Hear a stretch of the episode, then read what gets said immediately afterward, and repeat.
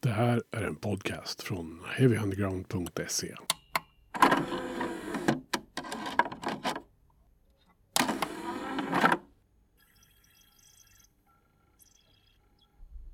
Då är det dags att ta tag i ännu en klassiker här i Heavy Undergrounds podcast i vår klassikerserie. Och eh, det är ju 30 år sedan det var 1992, så det blir liksom temat för den här hösten och säsongen av Heavy Undergrounds klassiker. Eh, året 92 alltså, och då passar det utmärkt att börja med Peace, Love and Pitbulls debutplatta från just det året.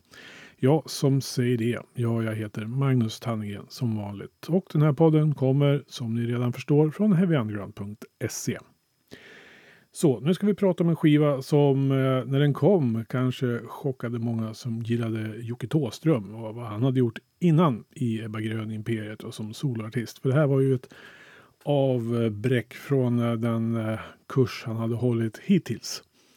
Eh, så att eh, den är intressant på grund av eh, bara den orsaken och sen hur själva skivan låter i sig. Ett, ja, jag skulle nog säga Eh, en av de bästa skivor inom industrimetal eller industrirocken som har gjorts. Och eh, jag tycker faktiskt att det här är bland det bästa Joakim Thåström har gjort. Så vem har man då bjudit in för att prata om detta? Jo, det passar ju utmärkt att prata med Patrik Wirén från eh, Misery Loves Company. Inte bara för att hans band faktiskt turnerade med Peace Love and Pitbulls när det begav sig utan för att Patrik har eh, ett stort intresse i Joakim Thåströms musik generellt och kanske i Peace, Love and Pitbulls. Eh, på ett helt annat sätt än vad många andra har. Så intressanta perspektiv och diskussioner kommer att följa i den här eh, podcasten som handlar om Peace, Love and Pitbulls debutplatta. Och vi pratar lite om eh, liveklipp från den här tiden som kanske finns på Youtube och det har vi hittat. Så det finns länkar till dessa i infon som kommer med detta avsnitt. Nu ska jag hålla klaffen och lämna över till mig själv och Patrik Wirén. Och vi ställer oss frågan. Så var, var ska vi börja? Ja, precis. Var ska vi börja? Din relation till Joakim Tåström i allmänhet sådär. För jag menar, Tåström mm. är ju en ganska central bit av Peace, Love and Pitbulls. Men han har ju en extremt lång historia i svensk rock. Ja, ja precis. Och jag tror att det, det är väl en av anledningarna till att, eh, att han betyder så mycket för mig. Alltså att det är den här tidsaspekten. Alltså jag gick ju i... Jag är lite för ung för den där första punkvågen, men man hörde... Jag kommer ihåg jag var på fritids, tror jag. jag gick i lågstadiet och så ramlade ner några snubbar med en bergsprängare på över axeln som körde We're only in it for the drugs från första Ebba Grön. Um, liksom fram till att jag för två veckor sedan såg honom på Way Out West. Alltså det känns som att han har varit väldigt närvarande i, i mitt musiklyssnande. Mer eller mindre genom nästan hela mitt liv från att jag började lyssna på, eh, på musik. Och sen så, det är väl något också i det här hur han har eh, varit i, i, i, en konstant rörelse under, under, de här, under den här tiden. Mm. Um, som gör också att, att han har varit uh, intressant att, att liksom följa, tror jag. Sen har inte vi... Alltså jag var ju för ung för första... Sen såg jag, första gången jag såg honom live var med Imperiet, när jag kanske var 13, när de spelade i Östervåla Folkets Park. Mm. Uh, och uh, det var ju grymt, liksom men där, vid den tiden eller strax efter så började jag med hålla på lite med thrash metal, med Midas touch och sådär. Eh, och jag tror just där och då hade jag nog något punkband som säkert, jag tror vi började med att spela typ Beväpna er och We're only in it for the drugs. Eh, men, men sen så Nej, men sen så synkade ju vi lite i det vi höll på med. Så att Mystery Loves Company, Peace Love and Pitbulls var samtida och, och lyssnade åtminstone till viss del på, på samma grejer och kunde liksom göra några spelningar och sådär. Och att det, det var ju rätt coolt eh, faktiskt. Mm. Att, att han närmade sig den där eh, ja, den, den musiken. Liksom. Mm. Vi ska ju återkomma till det där lite grann. Uh, jag tänker Ebba Grön och Imperiet, eller soloartisten Tåström. Vilken av dem, om du, om du är tvungen att välja, vem, vem, vem föredrar du? När var han liksom enligt dig bäst? Uh, alltså det, det, är ju helt omöjligt egentligen. alltså för Ebba Grön var ju så, eh, ja men som eh, i tonåren och liksom när det, det dök upp och, och när jag eh, var inne på de grejerna så, så var det ju så otroligt starkt. Och jag har ju en dotter som har sitt punkband också, Dålig isolering. Och det var ju samma där, att bland det första de plockade upp var Beväpna er. Liksom. Um, sen så, Imperiet, jag tycker inte riktigt att det, det som finns, alltså plattorna och sådär, det, det finns stunder, absolut. Men jag har lite svårare att kanske gå tillbaka eller höra storheten idag på samma vis som jag gjorde då. Den, de skivorna är ju, flera av dem kanske lite mer präglade av, av eh, liksom ljudbild och sådär som, som eh, ja, kanske inte alltid känns superkul idag. Okej, okay. jag, jag, jag tror egentligen att jag måste landa i att det första och det senaste lite grann. Mm. Eh, att Ebba Grön går liksom inte att bortse från och jag tycker verkligen att han har samtidigt pikat de typ senaste, ja vad är det, liksom 16 åren eller någonting sånt där. Ja. Eh, musikaliskt. Um, så att, och det är också något som är väldigt udda med honom. För att det, det, det, blir ju, alltså har man gjort någonting som har satt avtryck på det viset som Ebba Grön och Imperiet gjorde så, så skulle ju, så brukar ju artister tendera att, att kolla lite grann i backspegeln och kanske stanna i en trygg sfär. Mm. Liksom, mm. och, och, bygga på det man har och, och, kanske försöka upprepa det man har gjort. Men han har ju aldrig gjort det och det är det tror jag som gör att, att han har varit intressant att, att följa. Och inte minst då Peace Love Pitbulls förstås, som känns som det kom från Alltså på sätt och vis från ingenstans. Men sen kan man väl se så här i efterhand att med Explodera mig och så att han var på väg åt kanske åt det hållet. Men den var ju, det var ju otroligt eh, brutalt när, när den första skivan kom. Ja, Folk fattade ju ingenting. Nej. Men just där i brytningen, han bröt sig ju loss från, eller som när Imperiet eh, försvann. Och mm. han släppte ju först en soloskiva i eget namn som är väl lite så här halvmesig ändå måste man väl säga. Tycker i alla fall jag nu. Och det är väldigt 80-talsskadad i soundet. Om man får ut, ja. använda uttrycket. Alla vill till himlen är ju med på den plattan. Ja. Den, tycker jag sticker ut. Men det är väl nästan den enda låten som jag återvänder till. Ja. Så jag, ja, men jag håller med. Jag tror att jag kände lite grann så redan där och då. Att det var första gången som han höll på att glida åt ett håll som jag inte var så intresserad av där och då. Men sen kom Explodera mig och den tyckte jag om väldigt mycket mm. då. Lite svårlyssnad idag tycker jag. Jag tycker inte den känns så superkul kanske. Men den har ju vad heter den, Miss Huddinge 72 som är en ja. fantastisk låt. Och jag kommer ihåg att jag ja, men såg honom live med, han gjorde några spelningar med Sator om jag minns rätt på den skivan. Ja. Um, så det var ju, där och då kändes det som att, ja men nu är han på banan igen. Det kändes ju liksom att man exploderade med, det var ju som en skiva han gjorde för att liksom på något sätt slå sönder det han var på väg in i, alltså med mm. soloskivan innan. Alltså, ja. han, han, det var ju lite, det var ju någon sorts punk liksom ändå. Han vred ju upp ja. gitarrerna och drog upp trummaskinen och ställde dem längst fram liksom. Ja men exakt. Jo men man kan verkligen se att han var på väg mot PLP mm. lite grann. Eh, I det där mer primitiva och, och, bort från det ska man säga, teatrala eller kanske pretentiösa. Så att, eh, även textmässigt och så här var det mycket enklare och mer, eh, mer punkigt igen kanske. Mm. Plus att man ändrar sättet att sjunga på en hel del tycker jag när man hör. Alltså, ja. från, från, att ha varit den här folkkära Jocke Thåström liksom, så kommer de här, mer skrikande Thåström liksom, som, ja. som vi hör senare naturligtvis också då. Ja men exakt. Ja. ja men det var definitivt, eh, man kan se att han var på väg in i någonting annat. Sen kanske inte var så många som förväntade sig att det skulle bli så, så extremt som PLP ändå var. Nej. Jag kommer inte ihåg hur Explodera mig togs emot så där riktigt. Så när den kom. jag vet, det är ju liksom ett så markant brott mot Karenina. Liksom. Mm, verkligen, verkligen. Jag kommer inte heller riktigt ihåg, men jag tror att jag såg honom med Sator på Cirkus. Nu var i och för sig Sator ett namn i sig på den tiden, så de kanske tillsammans sålde biljetter. Men jag... Um, nej, jag kommer inte heller riktigt ihåg var han befann sig då. Men man kan väl säga att han eh, fuckade ju upp mycket av det han hade några år senare i alla fall. Det gjorde han definitivt. Ja. Eh, innan vi går in på Peace of Pitbull, för vi måste ju ändå liksom sätta scenen på något sätt. Början av 90-talet och industrirock och allt det här man pratar om. Eh, jag vet mm. inte, jag är lite allergisk mot genrebeteckningar och sådär. Men i brist på annat får vi kalla det för industrirock mm. eller industrimetal. Mm. Eh, hur skulle du säga att eh, statusen för det var där runt 91-92? Vi hade ju Ministry och Nine Inch Nails var väl de två stora internationella liksom, mm. arenabanden. Ja, men precis. Och det var väl där... Eh, det var ju ganska precis kring när...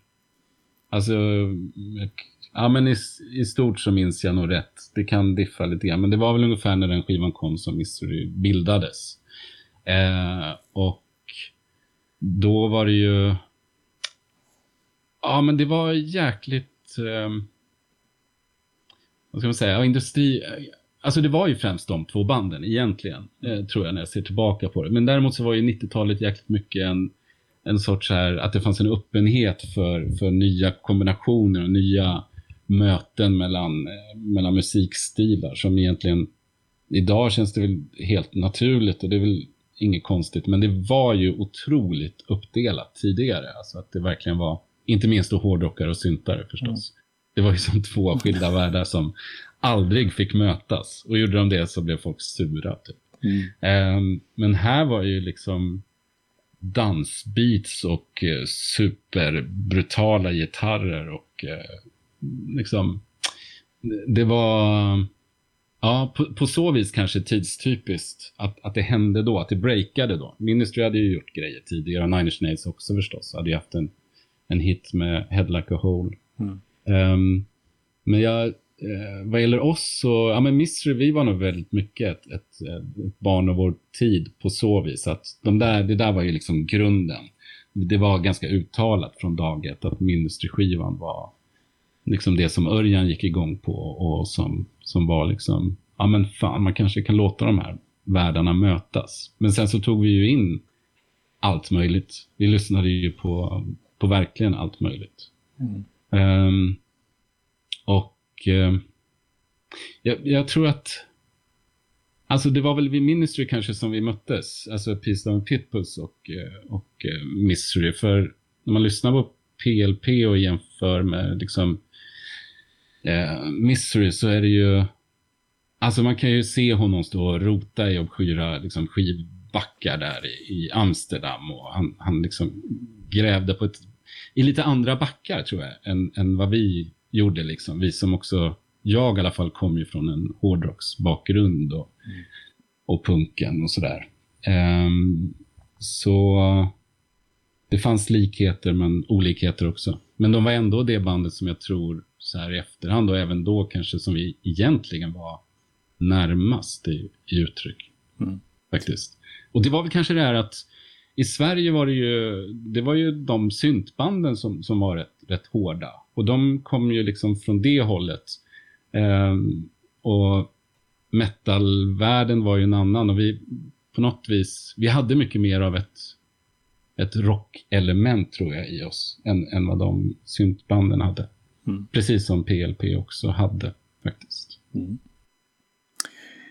Läser man, alltså nu har jag försökt gräva lite grann i Peace and Pitbulls historia. Det är ju inte helt enkelt att hitta jättemycket fakta liksom. Eller liksom faktiska liksom, saker som har hänt och sådär. Och varför det har hänt. Eh, men lite finns det ju. Mm. Eh, faktum är att han flyttade till Amsterdam. Eh, ja. För att han tröttnade typ på Sverige. Mm. igen. Ja. Precis. Också någonting och, som går igen i hans liv på något sätt. Ja, men jag, men jag tror också musikaliskt, där mm. som du var inne på lite grann, att, att var, vem han var under 80-talet mm. med Imperiet, där ganska pretentiösa uttrycket, med eh, det folkkära, Merkur och skugga och så vidare och så vidare. Att eh, alltså allt som allt man gör är ju alltid någon sorts reaktion på det man har gjort innan. Och det här var ju väldigt, väldigt tydligt ett, ett sätt att totalbryta med, med den grejen. Mm. Jag gjorde faktiskt en, eh, på tal om Midas Touch, som var ju var Thrash-bandet som, mm. som jag sjöng i. Vi hade en gitarrist som, eh, som heter Rickard Sporong. Och han fick ju eh, faktiskt gigget som gitarrist i Peace Love and Pitbulls. Just det. Åström, jag vet inte hur de kopplades ihop, men jag minns att han sa att Tåström ville höra några låtar, så han skickade några Midas Touch-grejer tror jag främst. Eh, och så möttes de upp och så, ja, sen blev ju Rickard en del av bandet och vi var ju liksom kompisar då. Vi hade väl ganska nyligen eh, brutit upp Midas Touch och sådär. Eh, och så jag minns att när han kom hem och hade gjort den här inspelningen och plattan kanske var klar, jag vet inte om den var mixad eller så, att vi åkte hem till, till honom, jag och några kompisar till och så spelade han upp några, några låtar. Och det var, wow, jag tyckte det var så sjukt jävla bra faktiskt. Um, så att, eh, och, och då, det gav mig också en liten ingång att jag faktiskt intervjuade honom när, eh, under första turnén som de gjorde med Pilstone Pitbulls. Mm. Eh, backstage på skylten i Linköping. Mm. Och, då, och då pratade han lite kring det där. Alltså just att han nog var ganska trött på det han gjorde och den han var och, och behövde liksom bryta. Han var också sjukt entusiastisk inför att göra de här små spelningarna. Jag minns att han pratade om att fan folk stage-divar på giggen. Det var skitkul. Så det var väl lite så här, även om uttrycket var ett annat så tror jag att det för honom blev också lite så här tillbakagång till därifrån han kom. Alltså punkrocken där. Mm. Um, så... Jag tänkte fråga, vad fick du för intryck av honom då? Var han liksom, hur var han vid sinnelaget så att säga när han eh, Nej men alltså, jag tror att det där var en... Eh, jag hade inte, det var första gången jag träffade honom. Sen har vi sett ganska många gånger sedan, sedan dess. Men eh, jag tyckte han var grym. Det kändes så här, han var skitkul att prata musik med. Jag visste ju att han hade lyssnat mycket på, kanske inte då, för det var tidigt, men jag vet ju senare att han lyssnade en del på på Misery också mm. berättade ju Rickard att, mm. att de har hört Kiss Your Boots i turnébussen och han skrek med och sådär. Så. Uh, nej, det, det kändes som att han var på en bra, en bra plats. Att han hade lite, kanske roligare. Uh, åtminstone, nu ser jag det utifrån igen då, då uh, eftersom jag inte hade träffat honom tidigare. Men att stor pepp inför att skaka av sig det gamla och gå in i något annat. Mm. Eh, jag läste någonstans att han hade ju liksom någon ingång i det här och försöka göra någonting som lät som Einstein Neubauten och Entombed. Mm. det är en sån här klassisk ja, citat. Ja, just det. Ja, vi pratade om Entombed mm. faktiskt. För ja. då var jag lite så här, jag kommer ihåg jag frågade, vad lyssnar du på nu då? Så, det minns jag inte. Han kan, ah, ja, jag kommer inte ihåg. Men jag vet att det var grejer som jag också lyssnade på. Typ Young Gods tror jag han nämnde och sådär. Eh, men så frågade jag just, ja men Entombed då? Ja men det är klart, alla lyssnar på Entombed. Liksom. Um, så de, men det hörs väl kanske inte så mycket, men det var ju ändå i det, i det kanske brutala uttrycket att det, vi lyssnade ju också mycket på en ton och det kanske man inte hör så mycket i Misery, men på sätt och vis kanske man gör det ändå. Nej, det, är väl som, det är väl liksom som vi sa om 90-talet där att allting blandades och alla lyssnade ju på allt möjligt. Så det är klart att mm. eh, man tar ju med sig saker, om inte rena, rena musikaliska uttryck så kanske man tar med sig en attityd i alla fall. Liksom. Ja, Ja, men exakt, exakt. Mm. Eh, så äh, men det, var, det var ett kul, kul snack. Mm. Eh, du har ju egentligen svarat på min nästa fråga när du hörde Peace Love and Pitbulls första gången. Det var ju då när du fick mm. tjuvlyssna lite grann. Ja. Men, ja. Eh, men när hörde du liksom hela skivan när den var i sitt färdiga tillstånd? När den kom? Alltså det kommer det kom jag inte ihåg. Utan det jag minns starkast det var när vi satt i hans Rickard bodde hemma fortfarande, bodde med sin mamma i Knutby av alla, alla hålor. Eh, vi satt på hans pojkrum och, och han spelade den här skivan. Det är verkligen det som är eh, starkast, förutom live, alltså spelningarna. Eh, för där var ju någonting som, även om jag inte återvänder superofta till Pistol Pitbulls, även om jag fortfarande, alltså jag kan ju Ja, det är en stark öppning. Uh, The Radio, King Kong, mm. uh, eh, är ju supercool. Men det är nog framförallt spelningarna som jag kommer ihåg som så extremt bra. Mm. Alltså otroligt bra. ja, jag tror första, den här första skivan, där hade de turnépremiär på Baroviak i Uppsala, som ju var min hemstad. De körde två kvällar. Eh, och då var det ju fortfarande så här, ja men då var han ju den här stora rockstjärnan ändå, som nu kom till den här klubben med, med PLP. Så det var kaosigt. De, av någon anledning var det inget kravallstaket, så att det var verkligen folk låg över scenen. Det var, det var verkligen så här. Ja, det, det, var sjukt kaosigt och så jävla hårt och, och, bra. Och kvällen innan hade de gjort någon sån här smyggrej på 44. Eh, och han ramlade på vägen därifrån. Så han, han hade gipsad arm under de här första spelningarna. Men liksom körde ändå i det här eh, otroliga kaoset. Och det var det, det, var, det var nästan... Eh, ja, det är nog det jag liksom minns mest med PLP. Det var de här spelningarna. Och speciellt de första när folk var lite så här... Ja, men inte riktigt fattade. De var så här, ja, Tåström spelar. Då mm. går vi upp. Och så var det där. liksom som att bli mörbultad. Ja, jag, har, jag har en bekant som gick, jag tror de spelade i Västerås. Mm. Ja, kanske var den turnén, jag kommer inte ihåg vilket år det var. Men det var precis när, i samband med första skivan. Och då folk hade också gått och det var också någon nattklubb här i stan. Eh, men folk gick ju dit och förväntade sig, var det vargen liksom? Och sen ja. Eh, på det sättet som den ska låta. Men han manglade väl, för mig att han manglade sönder den rätt friskt också när han körde den live. Jag kommer ihåg den första spelningen, ja. de gjorde faktiskt Häng Gud, ja. gamla grönlåten. Men i en version som det liksom tog halva låten innan någon fattade vad det var som hände egentligen. Det var så otroligt eh, eh, om Arrad. Mm. Eh. Ja, jag, jag kommer min kompis, han, han, var, han gillade ju, för han gillade ju Pissla Pitbulls, men han sa ju det att känslan av liksom, det här besvikelse i kombinationen och nästan hat från publiken, liksom, när, han, när han typ gick omkring och kissade på hela sitt arv, liksom, tyckte de. Ja. men det, kanske, ja. det var väl det som var kanske hela syftet med det här.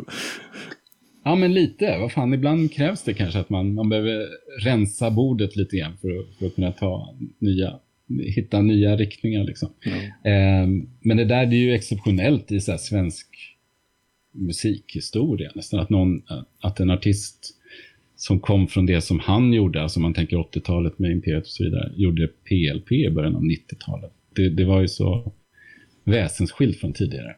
Och det är klart att alla skulle inte gilla det där vi var ju ganska få tror jag egentligen som, ja. som verkligen, han, han kunde väl sådär på första skivan och kanske lite på andra. Eh, men framförallt den första, flytta med lite i liksom att det fanns ett intresse kring att det här är Tåström. Mm. Men så fort folk fattade vad det var så var det ju bara att hålla för öronen och springa därifrån. Så var det några som stod kvar och älskade det. Eh, väldigt cool grej att göra faktiskt, måste jag säga. Det, ja. det, jag tänker han, han växlar ju språk från svenska till engelska i och med Peace, Love and Pitbulls också. Hur tycker du Thåström funkar som på engelska? Alltså han funkar, han funkar hyggligt. Jag tycker han är en bra sångare. Alltså framförallt live kanske.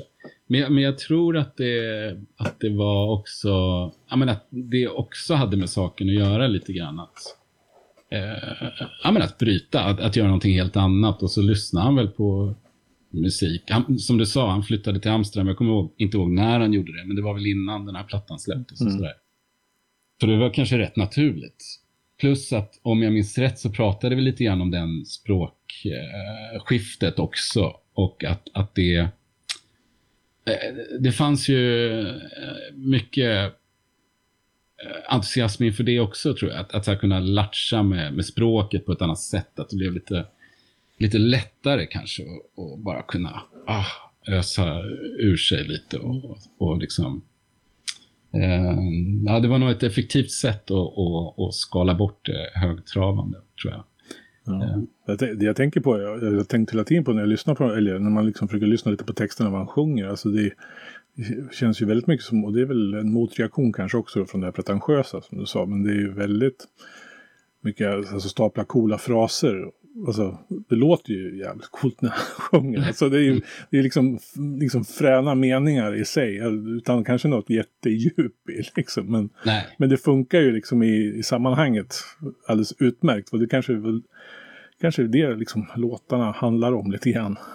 Mm. Det, Ja, men precis. Jag tror det, det synkar väl på något Och de gjorde ju dessutom, de blev ju en, eh, inte så mycket av en svensk eh, företeelse på samma, samma sätt som, som han hade varit tidigare. Utan de åkte ju faktiskt ut och, och turnerade i Europa. Och jag minns något inslag på, oh, vad hette det då?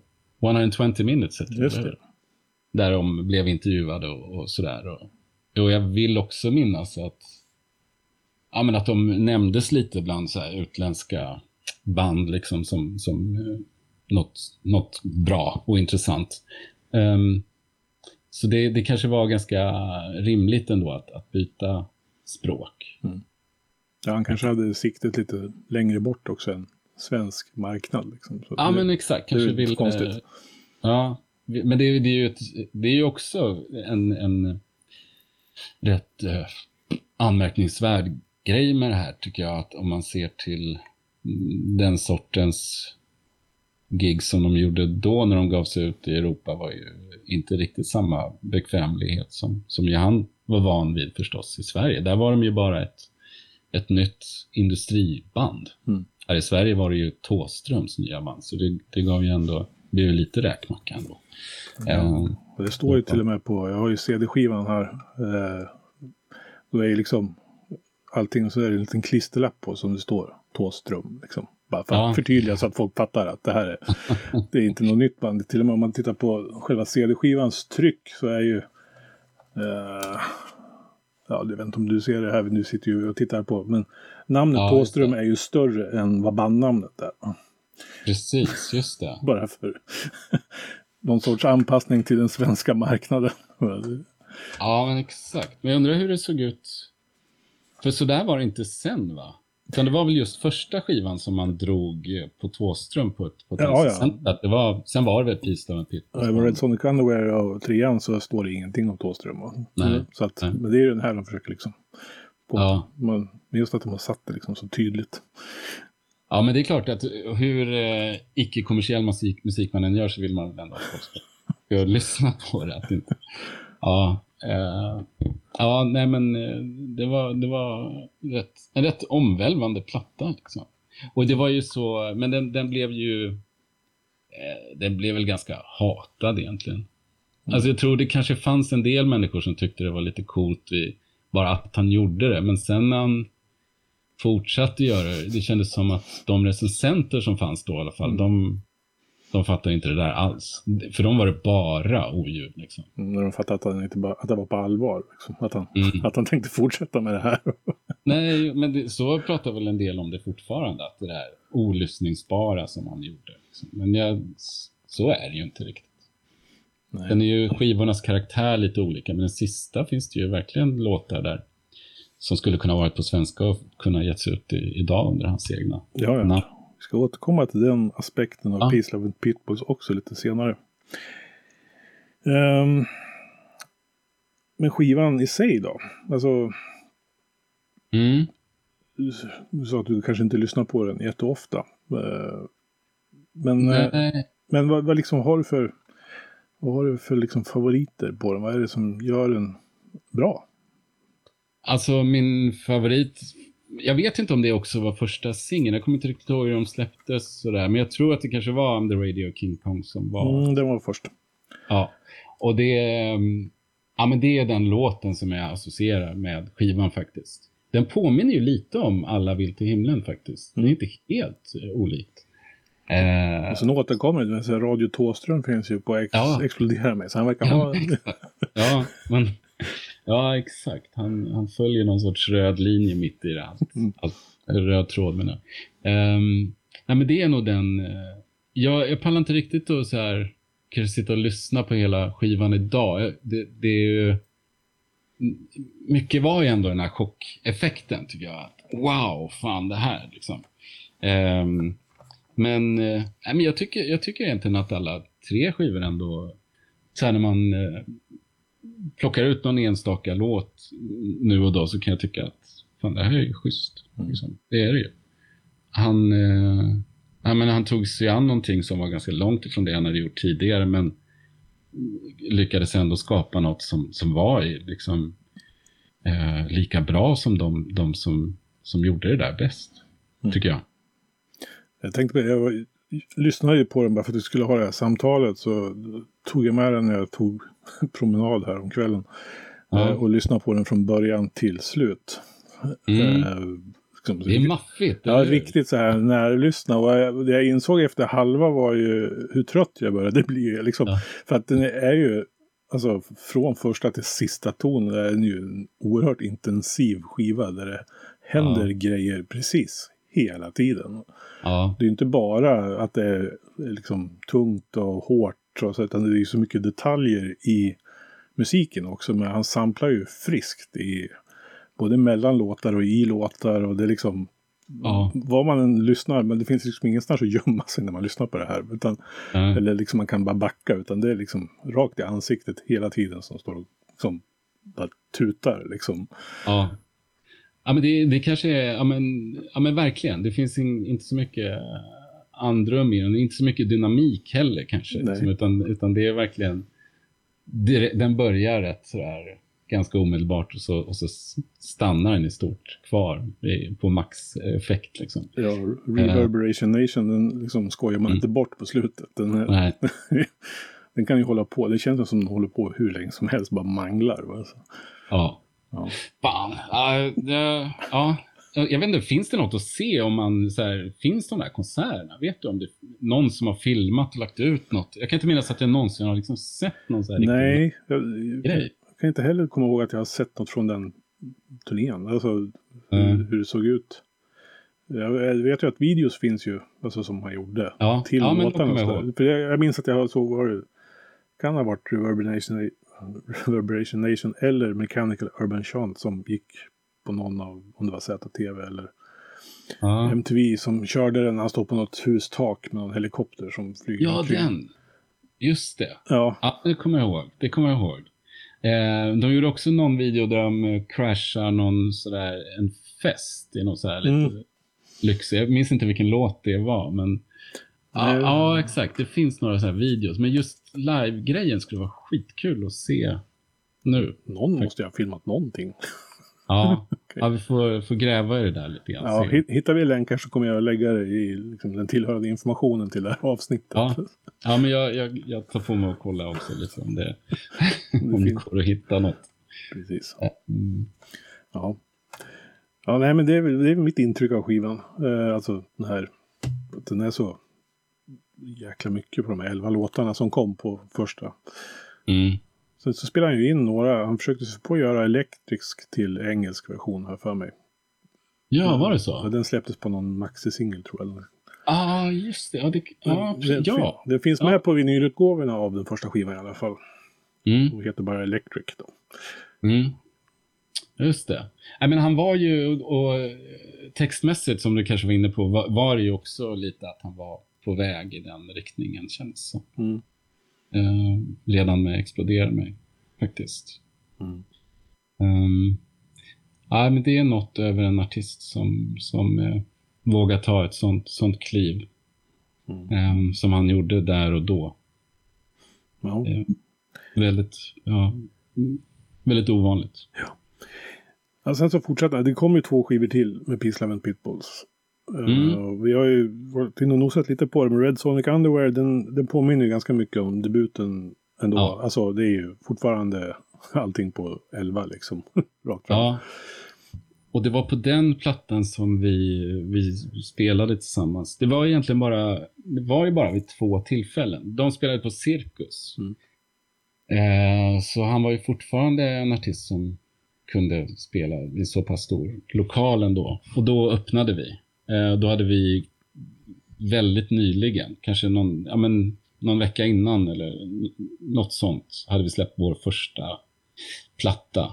Jag kommer inte ihåg så supermycket av den spelningen. Eh, mer än att det såklart var supercoolt att öppna för PLP och, och Tåström. Jag minns att vi hade, vi hade lite så här teknikstrul. Vi var rätt nya, vi hade inte spelat ute så mycket och körde alla, vi körde alla samplingar, förinspelade grejer på en rullbandare. Och det var inte optimalt. Jag minns att den, den strulade lite under soundcheck och alla fick lite ont i magen och det blev stressigt. Och hur ska det här funka? Eh, jag tror att giget var okej. Okay. Men sen så gjorde vi en spelning till något halvår senare kanske, någon gång början av 95. För då var vi båda nominerade i något som hette Zeppelingalan. Mm. Känner du till det? Ja, den kommer jag ihåg. Men när du säger det, Zeppelingalan låter bekant. Ja ja, men det var liksom en, ja, ska man säga, motsvarande Grammis fast den då skulle uppmärksamma svensk lite hårdare musik. Mm. De hade ett gäng kategorier och, och uh, vi var nominerade ganska många men vi fick inget pris. Jag vet inte om de fick det. Jag tror faktiskt att Klåfinger fick ganska mycket då. De var liksom det stora. De var grejen då liksom. Ja, de var grejen. Um, men vi spelade. PLP spelade några låtar och vi gjorde det. Och det var, det var jäkligt så här. Ja, men det var ett kaosigt gig för vår del. eh, fast på ett roligare sätt. Det var, vi var väldigt taggade. Vi hade nog precis, jag tror dagen innan, när de kommit hem efter någon Europa-turné. Och var, ja men det var sista, sista vi skulle ge liksom. Och eh, jag minns bara att vår gitarristförstärkare åkte i backen och det var lite så här saker som hände som liksom ytterligare pushade på den där energin. Så det blev otroligt uppskruvat och, och väldigt bra. Och sen kom eh, faktiskt Pimme eller Tåström in i, i, i logen efteråt och sa han att eh, att det var jävligt bra. Så den här gången var ni fan bättre än oss.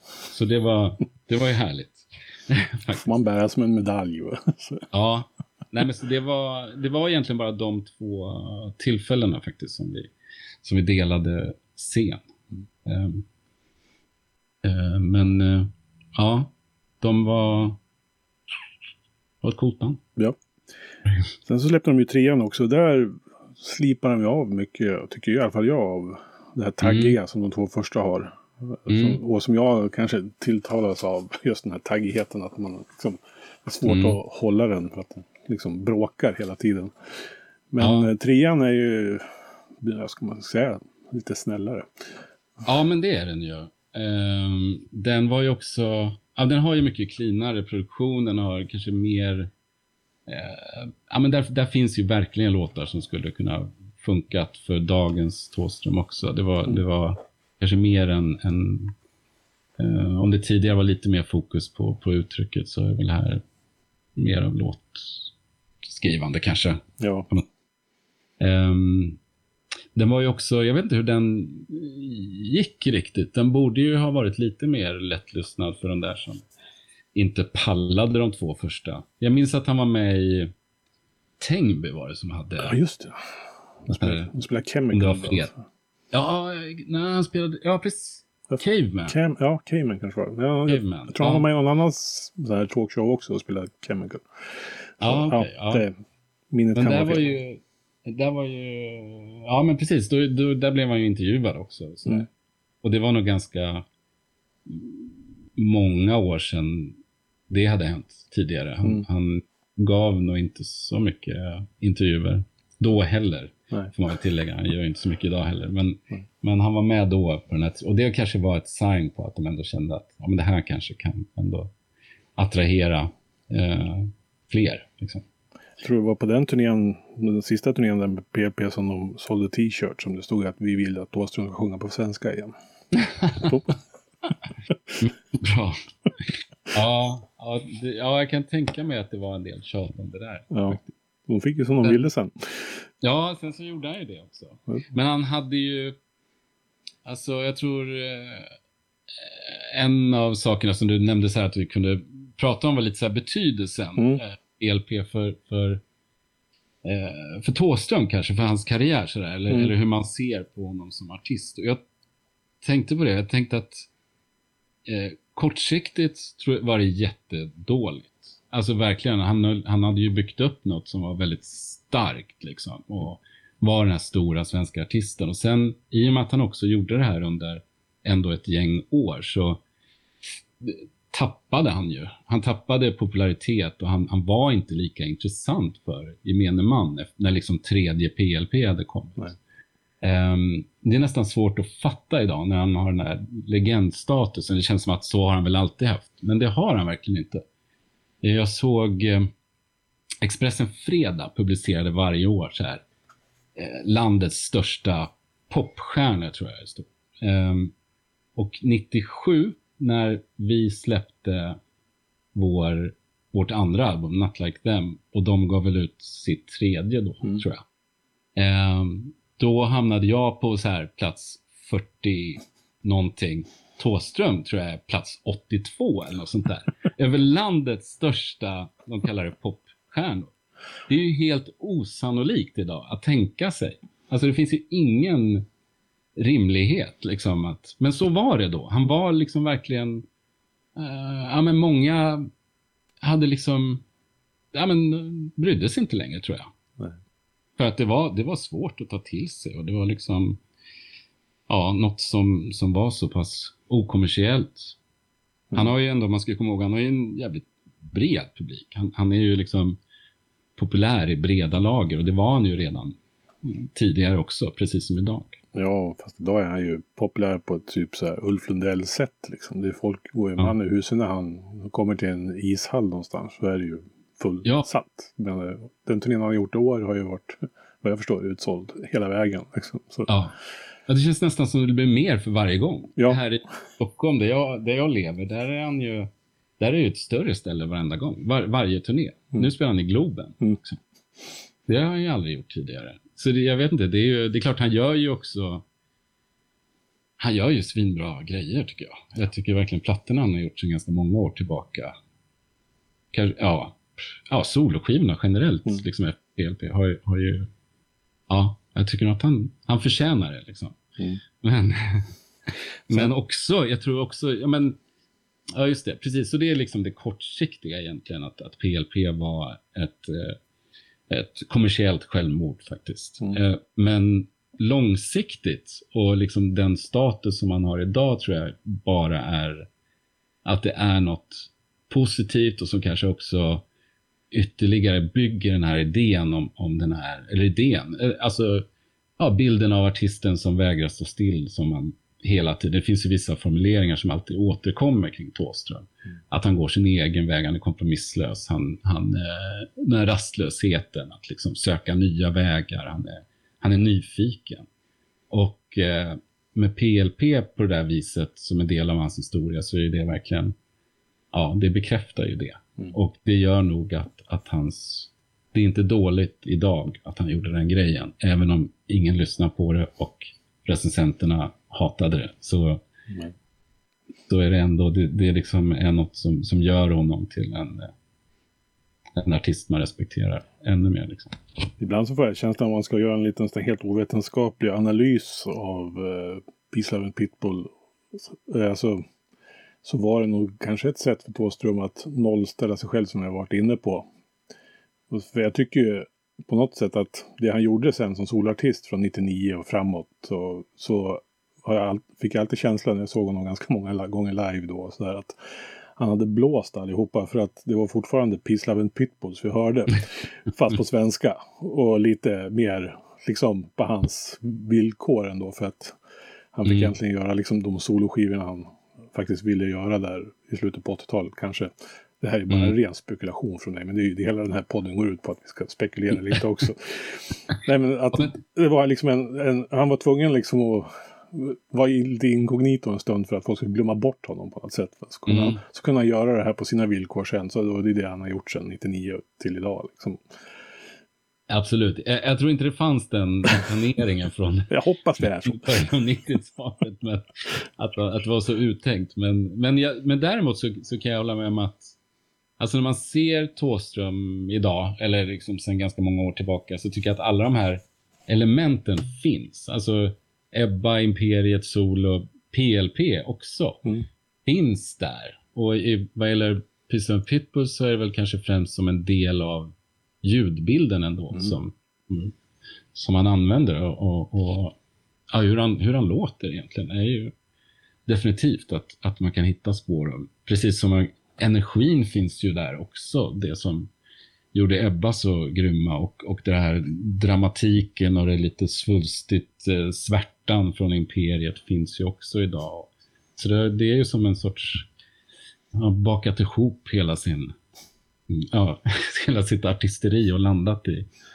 Ja, ja. ja men så det, ja jag, ja, jag kan hålla med dig lite grann. Mm. Man kan fortfarande höra. Men vi kommer troligtvis aldrig få se en återförenat Peace Love and Pitbulls. Nej, nej. nej det, återföreningar är ju inte hans grej. Det, det tror jag alla har förstått. Kanske, han kan inte göra en cover på sig själv i alla fall. ja, precis. Några... jag vet inte. Efterfrågan är kanske inte så superstor. Det är väl mer om han skulle återupptäcka någon gammal PLP-låt och känna att fan den här är ju faktiskt grym. Mm. Kanske ska översätta den och, och ge den ett annat eh, ljudlandskap. Eh, men det hade varit kul. Fan, det kanske, kanske något som Mystery får locka mig i samband med något jubileum och ja. göra en PLP-låt tillsammans. Det vore, det vore en dröm faktiskt. Det vore väldigt roligt. Ja. Köra I'm the Radio King Kong. Men som sagt, igen, han är ju inte den som så gärna blickar i backspegeln och, och uh, upprepar Nej. saker han redan har gjort. Nu har vi i alla fall eh, på något sätt ändå återupprättat Peace Love Pitbulls debutplattas heder här i den här podden tycker jag. Eh, ja, jag är fan glad att du, att du ändå tog upp eh, den skivan faktiskt igen. Det mm. är ju inte givet. Nej. Um, och um, jag tror att om man går in på Spotify och kollar hur många, jag tror jag såg någon siffra, det är inte jättemånga som, som lyssnar på den. Däremot, skivorna finns ju på vinyl. Det är jag glad över. De mm. gav ju ut dem eh, ganska nyligen, ja, samma Record Store Day. Så de finns där i samlingen. Ja. Så det är nice för någon som har, har dumpat hela sin CD-samling att de där finns där i vinyl, vinylhögen. Du Patrik, det har varit ett sant nöje att prata om Peace Pitbulls med dig faktiskt. Ja men detsamma. Tack mm. för att du hörde av dig. Mm. Du har lyssnat på en podcast från heavyunderground.se. Jag som säger det heter Magnus Tannegren och är den som producerar och intervjuar i den här podcasten. Vill du veta mer om det här avsnittet eller om podcasten i allmänhet? Besök heavyunderground.se eller leta upp oss på de sociala kanalerna på Facebook och Instagram. Tack för att just du har lyssnat. Hey, I met you. You are not cool. I know. Even when I thought I was, I knew I wasn't. Because we are uncool. I'm glad you were home. I'm always home. I'm uncool. Me too. You're doing great. You know, the only true currency in this bankrupt world is what you share with someone else when you're